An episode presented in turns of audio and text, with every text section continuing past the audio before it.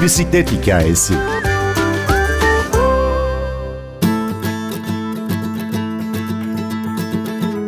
Bir gün önce soyguncular yolunuzu kesiyor ama ertesi gün insanlar yemeğini paylaşıyor sizinle. Bisikletli gezgin Yiğitcan İç'i Hasankeyf'te yakaladık. Bizi dünyanın bir ucuna, Kolombiya'ya götürmesini istedik. Yol şarkımız Manu Chao Mentira. Ben Günür Öztürk Bir bisiklet hikayesi başlıyor.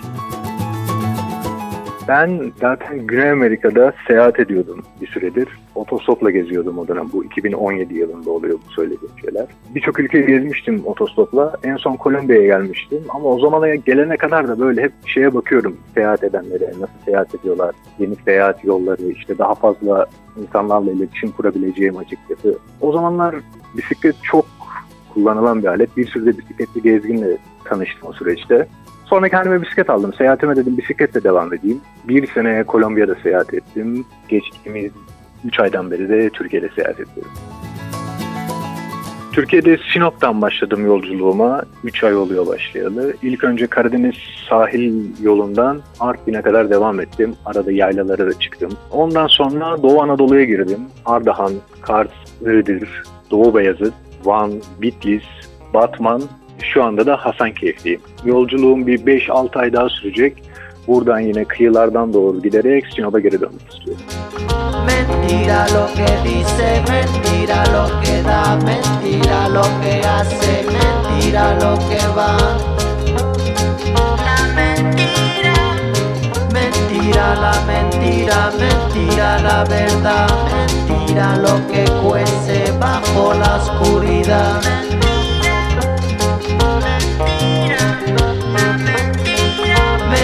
Mentira el amor, mentira el sabor, mentira la que manda, mentira comanda. Mentira la tristeza cuando empieza, mentira no se va, mentira, mentira. La mentira.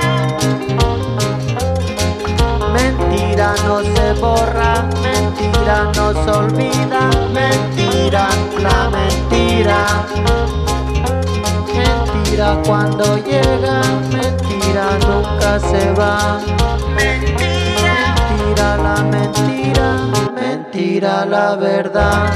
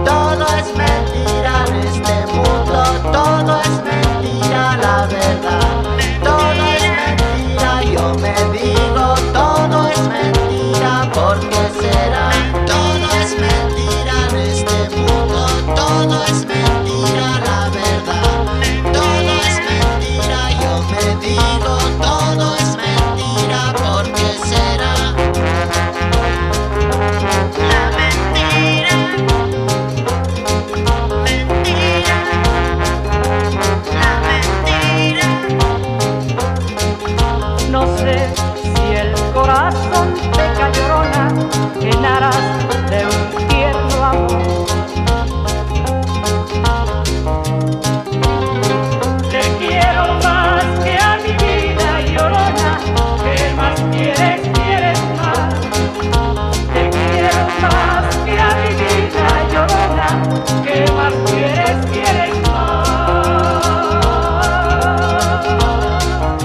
Bize Kolombiya'da pedallama hikayeni anlatacaksın. Medellin'den başladım bisiklet seyahatime Kolombiya'da. Orada bir bisiklet evi vardı. Böyle bisikletçilerin oradan geçerken konaklayabildiği, aynı zamanda tamirlerini yapabildiği bir yer vardı. Oraya gittim. Bir hafta orada kaldıktan sonra bisikletimi buldum. Oradan satın aldım kendime. Sonra Kolombiya'nın kuzeyine doğru bisiklet sürmeye başladım. Oradan köyleri geze geze Kolombiya'nın kuzeyinde oradan da tekneyle Kolombiya'dan Panama'ya geçtim. Panama'da da yolculuğumu bazı sağlık problemleri sebebiyle yarıda kesmek zorunda kaldım. Yoksa Meksika'ya kadar devam edecektim. Kim bilir yol boyunca neler yaşamışsındır. Hep köylerden gittiğim için Kolombiya'da sürekli insanların yanından geçiyordum ve bu insanların da evlerinin önünde bahçeleri oluyor. İşte orada oluyorlar, dışarıda oluyorlar genelde sıcak yerler olduğu için sürekli bir insanlarla ister istemez iletişim halindeydim. Gece konaklamayı o insanların bazen evinde yapıyordum, bazısı evini açıyordu bana. Bazısının bahçesinde yapıyordum ya da ne bileyim bir polis karakolunun yanında yapıyordum. O akşam polislerle muhabbet ediyordum. Hani genel olarak sürekli insanlarla iç içeydim çünkü insanların yardımına ihtiyacım oluyor genelde. Bazen çeşmesinden su istiyorum, bazen kalacak yer soruyorum. Çok iyi davrandılar bana Kolombiyalılar. Çok seviyorum oranın insanları videolarından şöyle bir şey hatırladım. İyi ki esmerim beni kendilerinden zannediyorlar, Güney Amerikalı zannediyorlar demiştin. Evet. Bazı noktaları tehlikeli Kolombiya'nın ve orada yani sarı saçlı mavi göz olduğunuzda direkt turist olduğunuz belli. Ama benim gibi olunca biraz Arjantinli, biraz Brezilyalı gibi zannediyorlardı beni. Onun için yani çok fazla tehlikeyle de karşılaşmıyorum bu sebepten ötürü diyordum ama sonra bu tezimin yanlış olduğu ortaya çıktı. Birkaç şey geldi başıma. Neler geldi başına anlatsana bize. Kolombiya'da bisiklet sürüyordum Medellin'in üst tarafında gene o kuzeye doğru devam ederken. Orada akşam olmuş saat böyle 4-5 civarı bütün gün bisiklet sürmüşüm. Çok da yorgunum. Kendime aklayacak bir yer arıyorum böyle sağda solda. Karşıdan böyle yola iki tane genç çıktı. Tam da o sırada anlamlandıramadım aslında niye çıktıklarını. Çünkü böyle tişörtleriyle ağızlarını kapatıyorlardı sanki maskeymişçesine. Sonra ben anlayamadım bir bana karşı bir şey olduğunu. Bunların yanından geçmeye çalışırken ikisi de koluma girdi. Birisi böyle belinde silah kablosu gösterdi. İşte telefonunu ver dedi. Ben tam telefonu çıkarırken o cüzdanımı falan da alıp kaçtı. Böyle bir ana geldi mesela başıma. Ne bileyim tehlike bulabiliyor yani size.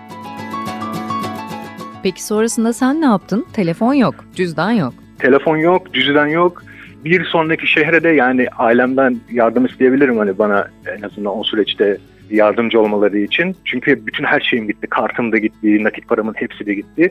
En yakın uluslararası para transferi yapabileceğiniz yer 300 kilometre civarındaydı ve ben iki gün boyunca sıfır para, sıfır yemekle bisiklet sürmek zorunda kaldım. İşte orada da mesela şeyi gördüm. Bir gün önce seni birisi soyuyor orada ama ertesi gün insanlar yemeğini paylaşıyor seninle. Ya da ne bileyim sofrasını paylaşıyor. Güzeldi yani. Kötü olaylar yaşadım ama yanında yaşadığım iyi olaylar da çok fazlaydı.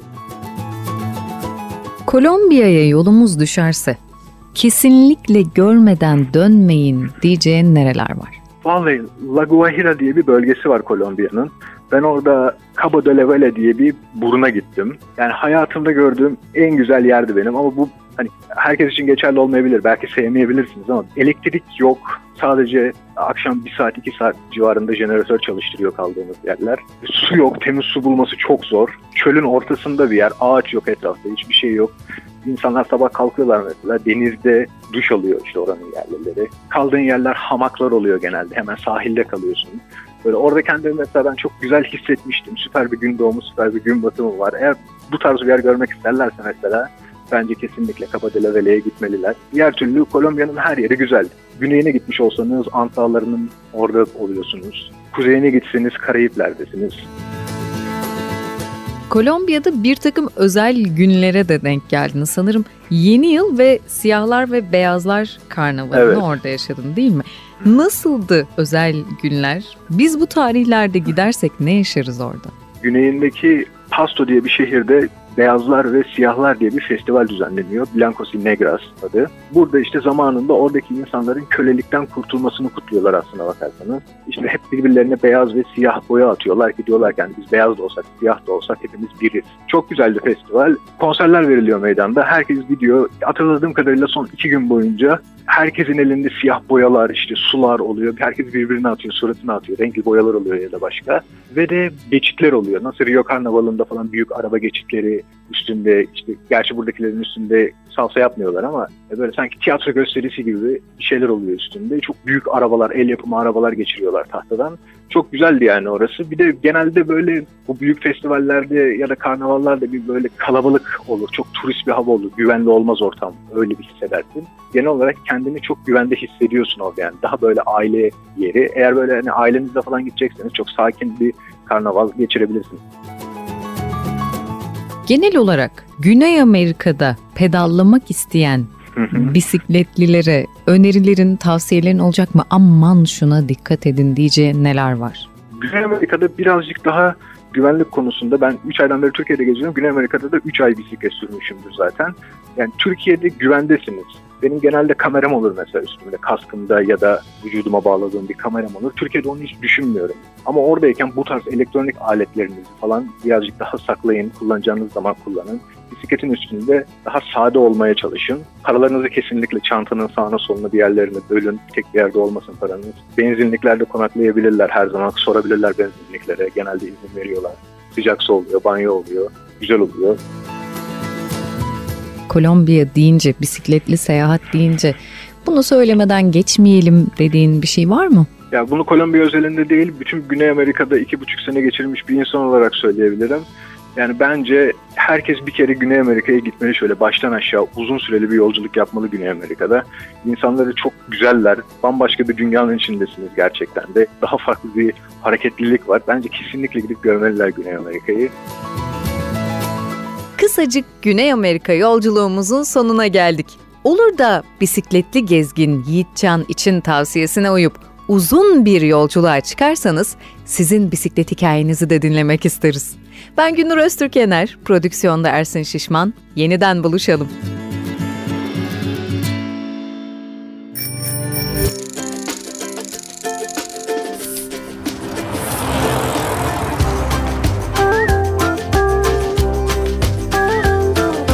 Bir bisiklet hikayesi.